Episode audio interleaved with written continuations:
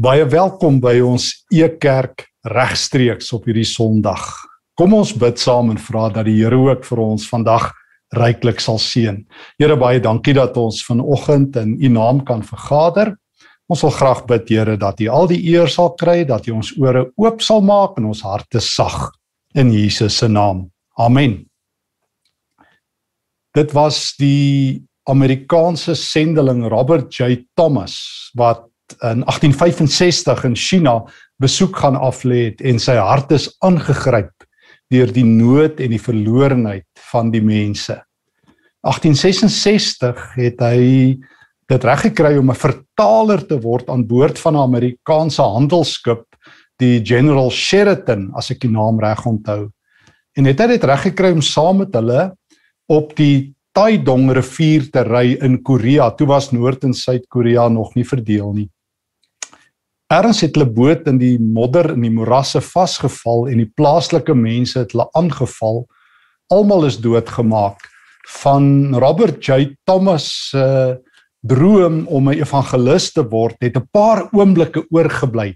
Hy kon sy Bybel so in die lug ophou en hy het vir mense gesê, so vertel iemand, Jesus en toe sy doodgemaak.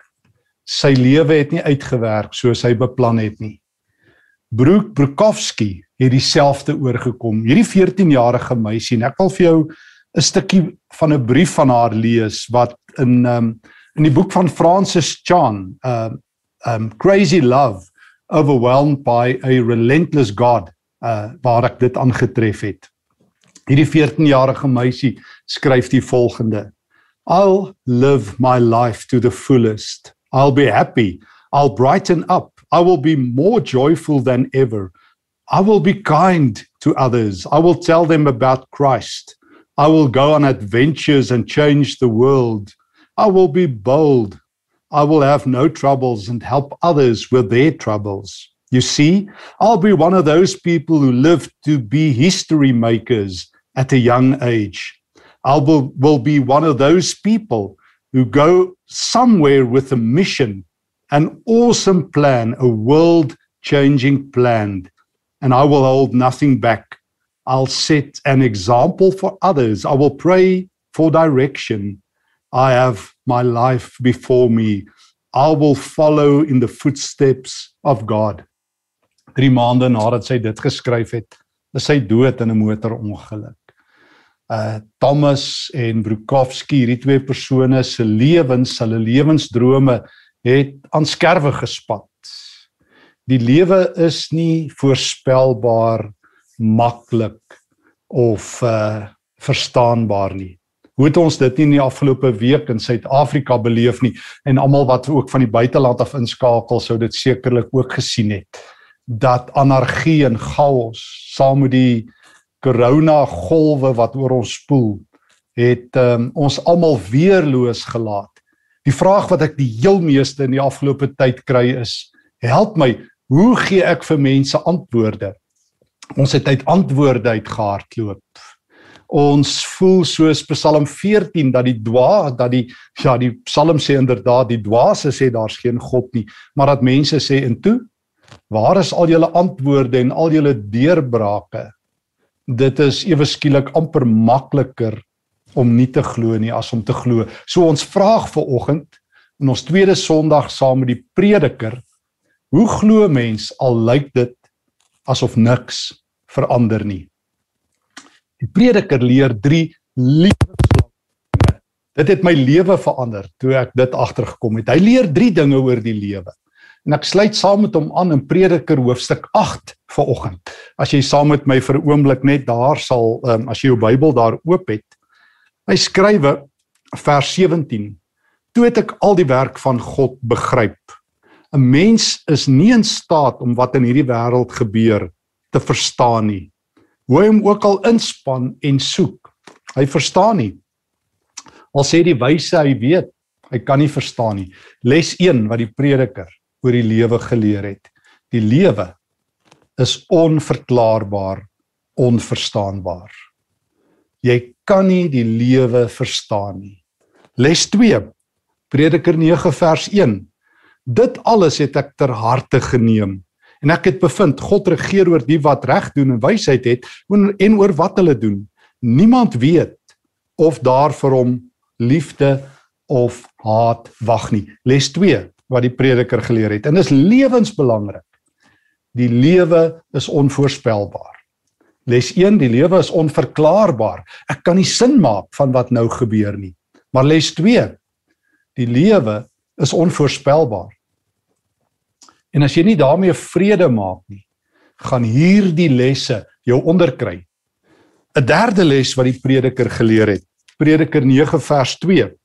Een en dieselfde lot tref almal. Die regverdige en die goddelose, die goeie, die reine en die onreine, die een wat offer en die een wat nie offer nie. Soos dit met die goeie gaan, so gaan dit met die sondaar. Vers Die ellende met alles wat in hierdie wêreld gebeur is dat dieselfde lot almal tref. 3 lesse wat die prediker leer. Kom ons vat dit weer. Die lewe is onvoors is onverklaarbaar. Tweedens, die lewe is onvoorspelbaar vorentoe en derdens, die lewe is onregverdig. Dis die Amerikaanse navorser McAdams, Don McAdams wat navorsing gedoen het oor hoe mense na die lewe kyk. En hy het bevind daar is mense wat 'n sogenaamde ehm um, 'n aansteeklike siek lewe leef omdat hulle vasval in 'n hooplose verhaal. Ehm um, hulle glo die slegte nuus en dit trek hulle af. En dan is daar 'n klein groepie mense wat Adams sê, McAdams sê 'n sogenaamde redemptive storie leef. En dis wat die prediker doen. Die prediker weet drie dinge van die lewe. Hy ontduik dit nie, hy ontken dit nie. Hy maak nie soos 'n volstruis en sit sy kop in die sand en hoop dit sal beter word nie. Hy sê jy moet een ding weet. Die lewe is onverklaarbaar. As jy probeer die lewe uitsorteer, gaan jy altyd een keer te min verstaan, een keer te veel teleurgesteld wees en uiteindelik gaan jy vasval in 'n storie van hooploosheid en teleurgesteldheid en klein geloof. Die lewe is onverklaarbaar. Hy sê die ouens wat dit kan verklaar, hulle praat nonsens. Hy sê hoe jy ook al inspann vers 17 van hoofstuk 8. Al sê die wyse hy weet, jy kan nie die lewe verstaan nie. Bedoelende as jy die lewe in jou kop verleef, gaan jy altyd dit verkeerd kry. Die lewe is onverklaarbaar. Maar hier's die geheim. Hier kom die eerste geheim. Maar God is nie. Die lewe is onverklaarbaar, maar in hierdie harde lewe, God is nie onverklaarbaar nie. Met die teks mooi hoor, hy sê, "Toe het ek al die werk van God begryp." Mense is nie in staat om wat in hierdie wêreld gebeur te verstaan nie. Want hy vra hom Hy vra dieselfde vraag in hoofstuk 3. Waar is God? Ek het nou nou gesê die vraag wat ek die meeste kry in hierdie afgelope tyd is: Help my. Help my, hoe moet ek vir mense antwoorde gee wat gebid het en nou hulle familie dood in COVID? Help my, hoe moet ek maak as ons land afgebrand is en ons het gebid? Die prediker sê jy moet een ding weet, jy kan dit nie verklaar nie. En solank soos wat jy jou gaan besig hou om antwoorde te gee, gaan jy altyd te min antwoorde hê.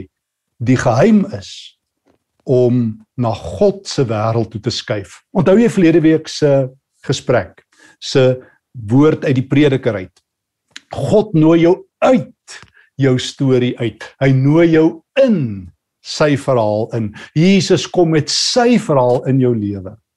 En solank jy dink dis jou werk om te verstaan, gaan jy nie. Dis 'n leuen wat die wêreld aan ons verkoop. Toe maar, jy sal later verstaan. Dis onwaar en dis nie reg dat ons as Christene dit vir mense sê. Toe maar, jy sal later verstaan nie. Hoor wat sê die prediker? Al sê die wyse hy weet, hy weet nie. Toe het ek al die werk van God begryp vers 17. Mense is nie in staat om te verstaan nie. Maar dit beteken nie God is onverstaanbaar nie. God se werke is onverstaanbaar, nie God se wese nie. Het jy die verskil gehoor? God se werke hoef ek nie te verklaar nie, maar sy wese verstaan ek. Hy's die God van liefde.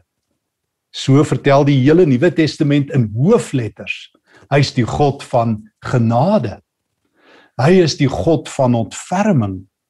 Ek weet genoeg oor God en oor Christus en oor die Heilige Gees al kan ek die lewe nie verklaar nie as ek in God se verhaal ingenooi word.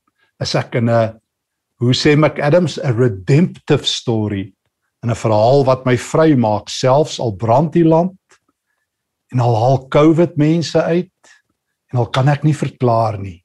Weet ek God is die God van genade. Hy is die God van Romeine 8 wat sê niks sal jou van my skei nie. So hier's die eerste groot les. Hoe hou ek aan glo? Al lyk alles dieselfde. Alles vandag donkerder by wyse van Spreuke as wat laas Sondag was in Suid-Afrika.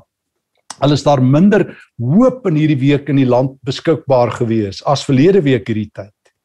Kom sê die prediker, alles die lewe onverklaarbaar. God is nie. O dit het Stefan bevry want ek het groot geword in die kerk, ek moet antwoorde gee.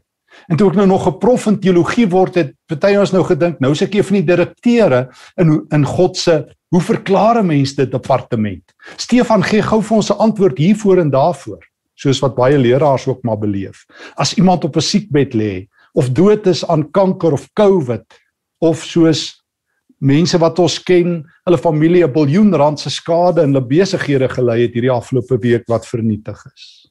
Verklaar dit gou bietjie vir ons. Nee nee. God nooi my in sy verhaal in. Hy nooi my uit. My probeer verstaan vra uit. Jy mag dit vra. Jy moet dit vra.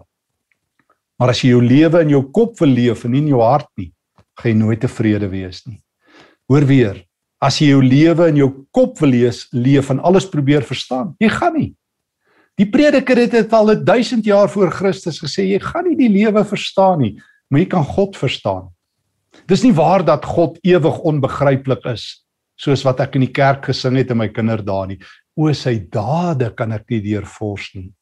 Maar ek weet genoeg van God deur sy woord en deur sy gees om getroos te lewe. Al brand alles, al verander niks, weet ek God is goed en dan verander alles as jy verstaan. Dan verander ek Ja, mense haal graag 1 Korintiërs 13 aan. Ons kyk soos deur 'n spieël in 'n raaisel. Daardeur bedoel Paulus nie dat God onverstaanbaar is nie. Hy bedoel die lewe is nie verstaanbaar nie. Maar ek weet een, die lewe is onverklaarbaar, maar nie God nie. 'n Tweede ding het ons vir mekaar gesê, die lewe is onvoorspelbaar. Niemand weet Prediker 9 vers 1 wat vir hulle wag nie. Die een ding sê die slim ouens wat bietjie navorsing doen oor ons brein, is dat een van die basiese dinge wat die brein doen, is om betekenis aan jou lewe te gee. Uh een Amerikaans sou sê the brain is a meaning making machine. Jou brein probeer alles verklaar. Jou brein kan nie met onsekerheid werk nie. Ons ook nie. Dis hoekom baie mense eenvoudig nou net pad gee. Want hulle sê ons moet 'n toekoms hê. Ons probeer ons toekoms beveilig. Ons kan nie met onsekerheid leef nie. En nou kom die prediker en sê, weet jy wat? Dis die lewe. Die lewe is onverklaarbaar, maar die lewe is ook onvoorspelbaar. En as jy jou hoop sit op die toekoms wat jy vir jouself bou, onthou jy Robert J Thomas, die sendeling wat gegaan het om sy lewe vir Christus te gee en sy enigste poging was om 'n Bybel op te hou.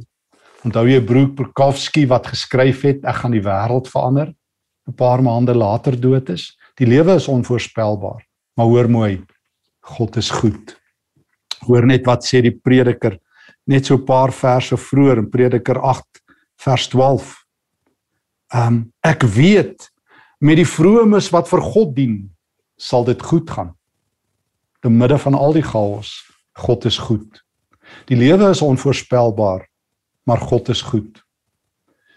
Dit is die verhaal. Jy kan of vas vasgevang bly in deel A van die storie. Die lewe is onverklaarbaar of jy kan skuif na deel B. Maar God is nie onverklaarbaar nie. Hy is die God van liefde.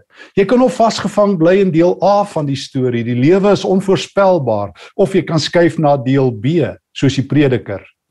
Maar God is goed. God is goed. Dis die belydenis van die psalms. Oor en oor en oor sing die psalms. God is goed die heeltyd, aanhoudend. God is goed. God is goed. Habakuk sing dit in Habakuk 3 vers 17 tot 19. Al sou die vye boom nie bot nie, al sou niks verander nie, nogtans sal ek in die Here jubel, want God is goed. Wanneer Paulus in die tronk sit in Handelinge 16 in een van my gunsteling tekste en amper doodgemaak word, sing hy God is goed. Ek hoef nie die pad vorentoe te ken nie. Ek hoef vir Jesus te ken wat die pad is. Johannes 14 vers 6.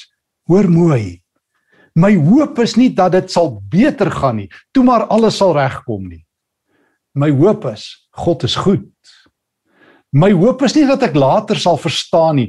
My hoop is God is onveranderlik in sy liefde. Hy is dieselfde in Hebreërs 13 vers 8 se taal, uh, gister en vandag en tot in ewigheid, die God van liefde, die God van die kruis, die God van hoop. So, die eerste storie wat die wêreld vertel, die lewe is onverklaarbaar. God kies om te verskil.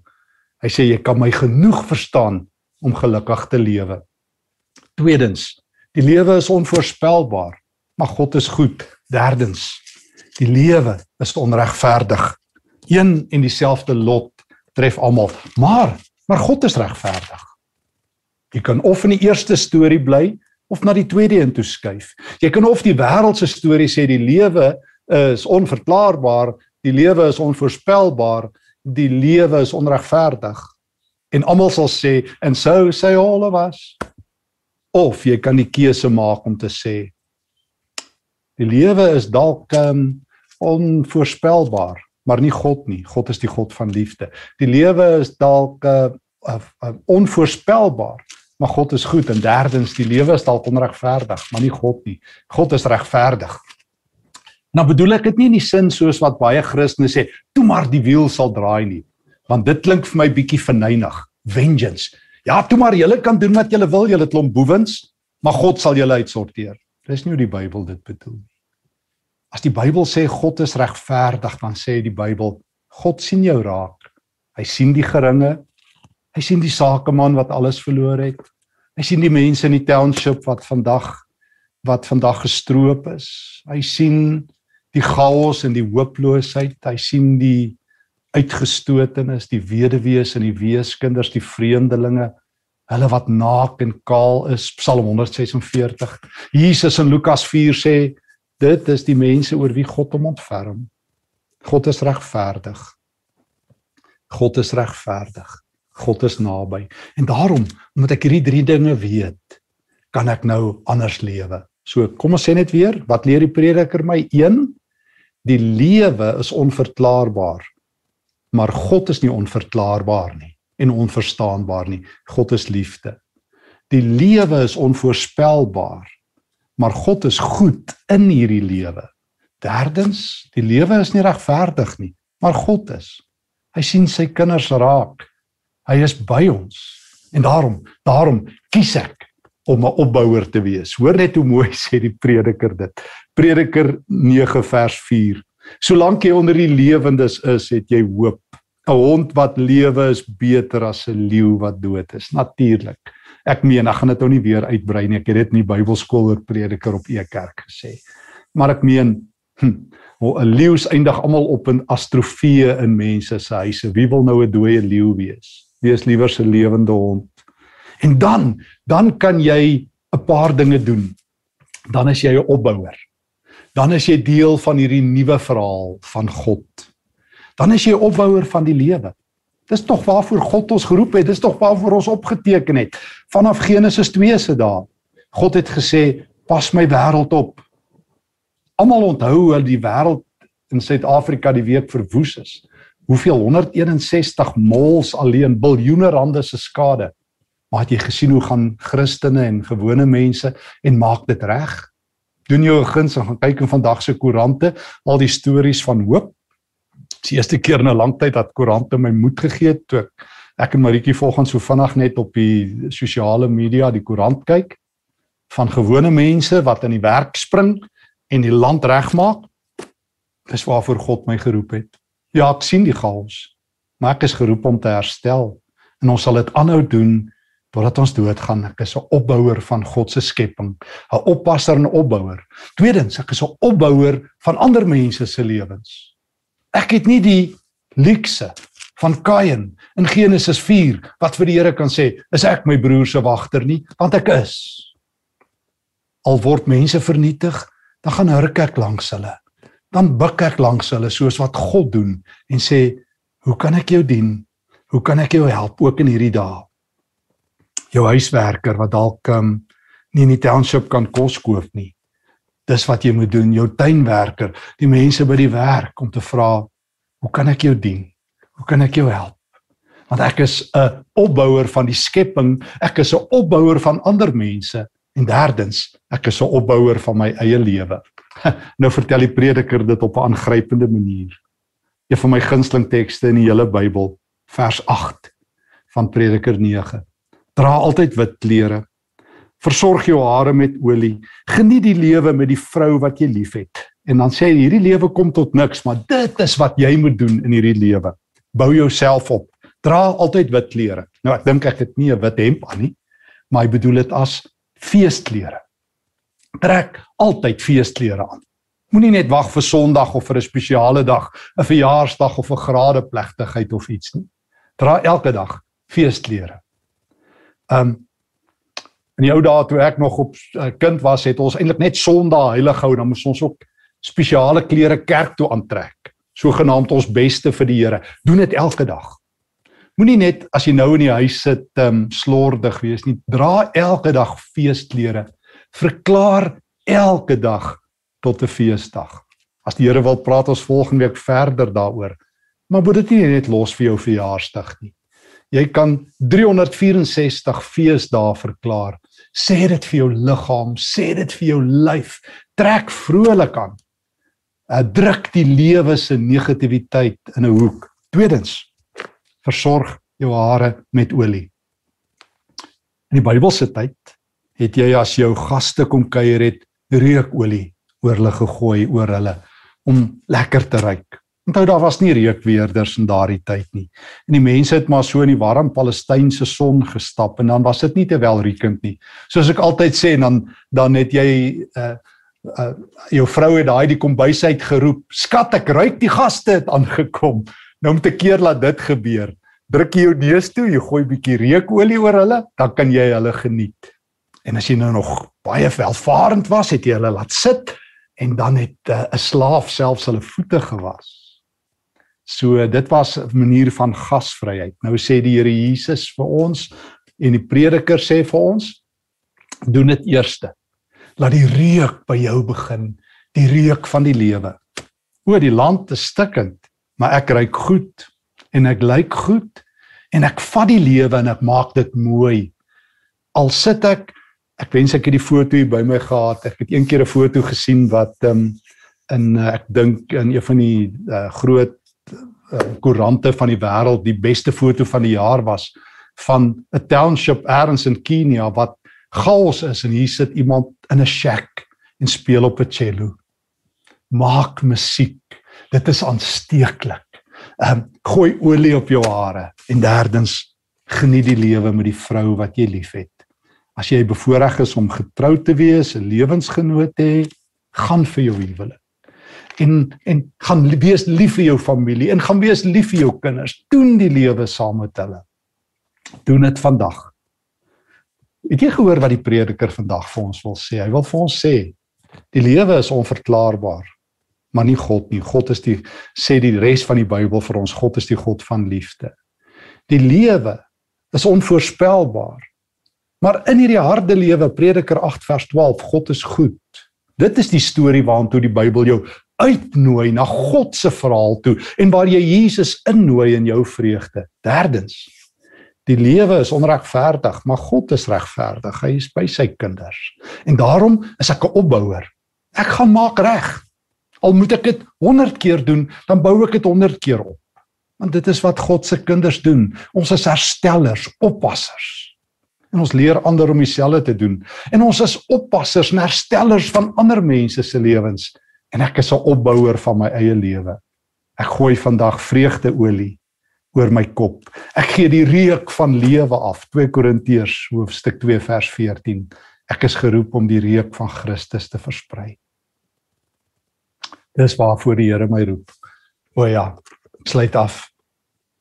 Broek Prokofsky, die jong meisie van 14 is toe oorlede want die lewe is onvoorspelbaar. Maar weet jy wat? Haar getuienis het in 'n bestseller boek van Francis Chan beland en die hele wêreld weet van Broek. Haar storie gaan aan.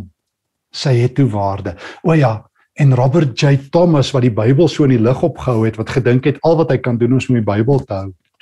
Ek dink 40 jaar later het sendelinge daar in Korea aangekom in daai omgewing. En toe staar 'n welvaar 'n groeiende kerk. Want een van die manne, ek het nou sy naam vergeet, het toe daai Bybel gevat van ehm um, van uh Thomas. En in daai tyd was dit die mode dat jy die bladsye van die Bybel uit op boeke uitskeer en maak jy muurpapier. En hy het 'n herberg gehad en almal wat in sy huisie gekom het, het die Nuwe Testament en die Bybel so teen sy mure gehad en het gelees en tot bekering gekom. So moenie dink jou lewe is sinneloos nie. Al is jy 14 of al is jou enigste sending werk om 'n Bybel uit te hou, wat sal God nie daarmee doen nie. Nou toe. Die lewe is onverklaarbaar, God is nie. Die lewe is onvoorspelbaar, God is goed. Die lewe is onregverdig, God is regverdig. En jy en ek is opbouers met olie wat oor ons hare loop en vreugde wat uit ons lewens lek. Dankie Here dat U ons woorde uh nuut maak deur die Heilige Gees. Dankie dat U ons lewens vol van die olie van die Heilige Gees maak. Maak ons vol vreugde. Wees met almal wat so baie verloor het in hierdie week. Bou ons land op, bring hoop. Laat die evangelie van Christus ons vrymaak. Help ons om ons omself opbouers van ons land, ander se lewens en van onsself te wees. Amen. Wat 'n voorreg om so saam by u kerk te reis. Ehm um, sommer net in 'n neete dop want baie keer vra ouens wat so onlangs eers e kerk ontdek het. Ons is al so 18 jaar op die lig. Uh digitaal. E kerk se visie is om Jesus sigbaar en voelbaar en verstaanbaar te maak. Ons hou ons diep besig met die Bybel. Ons wil graag die Bybel vars en eie tyds uitdra, mense oprig. Ja, ons wil graag ook ehm um, help met noodverligting. E kerk is betrokke by 'n klompie plekke met noodverligting by Ellen Park, Ouetehuis en die Raad van Bejaardes in Kenton Park, by Pen Aksie in Pretoria, by Echo Jeugbediening reg oor die land, by Ligkruis Gemeente in Middelburg, by Twee Torings Kerk in Bloemfontein wat in die middestad werk, Helderberg uitreik in die Wes-Kaap, Kenridge uitreik op die vlakte en oral by 'n Kumbo bediening van Dominee Sarel Visser wat in hospitale mense gaan bedien by Louis Botha kinderhuis met terapie by Morester kinderhuis in Rustenburg met um, voorsiening van hulpmiddels en met teologiese opleiding. En ons het juis nou deur die uh, goedheid van 'n van 'n van ons ou vriende Franco Visser wat verlede jaar oorlede is ons geliefde broer wat vir ons op terapie gedoen het en uit sy boedel uit het het Susan vir ons 'n skenking gemaak en ons het ook die Franco Visser beurs geskep. En ons het vier teologie studente en ons gaan binnekort een van hulle help uit die Franco Visser beurs. Ou Franco, ons eer jou in die hemel. Ek dank die Here vir almal wat by E Kerk werk, wil die swarte sake ou wat ook sy tyd vir ons gee. Dankie Willie, ehm uh, Pier Engelbregt en Rudolf Botha. Ek moet sê doktores Pier Engelbregt en Rudolf Botha Peer die hoof van al die tegniese dinge en die inhoud. Ehm um, Rudolf Botha wat uh, vir ons baie aanbied. En almal wat by Ekerk werk moet ander werke hê. So Peer gee wiskunde klasse, Rudolf is nog 'n uh, uh, HR manager en van in, in Oosterlige gemeente se leierleraar en wat nog. Willie Swart gee vir ons van sy tyd en ek self is betrokke en ek is betrokke by 'n klompie gemeentes en ek skryf en ek is nog 'n deeltydse prof by Koffsies daar in die Vrystaat by die teologiese fakulteit. Ilani Botha is betrokke by Ekerk met ontwerp. Les Swart is betrokke by ons administrasie. Berdien Leroux is besig om video's te maak. Marcel Grywenstein is volgend agter die skerms met ons tegnies sodat dit kan uitgaan. Dankie vir al die ander medewerkers by Ekerk wat skryf, Maritjie Joubert, Helena Smit, Siegfried Lou, Johan Beke, Koen Slabber, Elmarie van der Westhuizen en Alet Gardner daar uit Londen. So dit is die hele E-kerk span. Ons droom is om ruim weg te gee ook in hierdie tyd. Ek dank die Here dat ons raad op ingestaan het, dat ons onlangs vir Pen Aksie 100 000 rand kon skenk en onder andere by die Ellen Park te huis 12 000 rand 'n maand se etes kan gee boonbehalwe al die ander dinge. Dankie dat jy deel is van hierdie wonderlike E-kerk. Mag die Here vir jou ryklik seën. Vrede vir jou. E-kerk se hardloop is om Jesus sigbaar, voelbaar en verstaanbaar te maak. Ons wil jou graag uitnooi om ook by E-kerk finansiëel betrokke te raak. E-kerk se noodprogramme is in hierdie tyd van corona volspoed aan die gang. Jou geldelike bydrae maak dat ons meer vrygewig kan wees. Jy kan 'n bydrae maak deur middel van SnapScan, Zapper of EFT met die bankbesonderhede wat op die skerm verskyn. Hierdie inligting is ook by www.ekerk.org beskikbaar.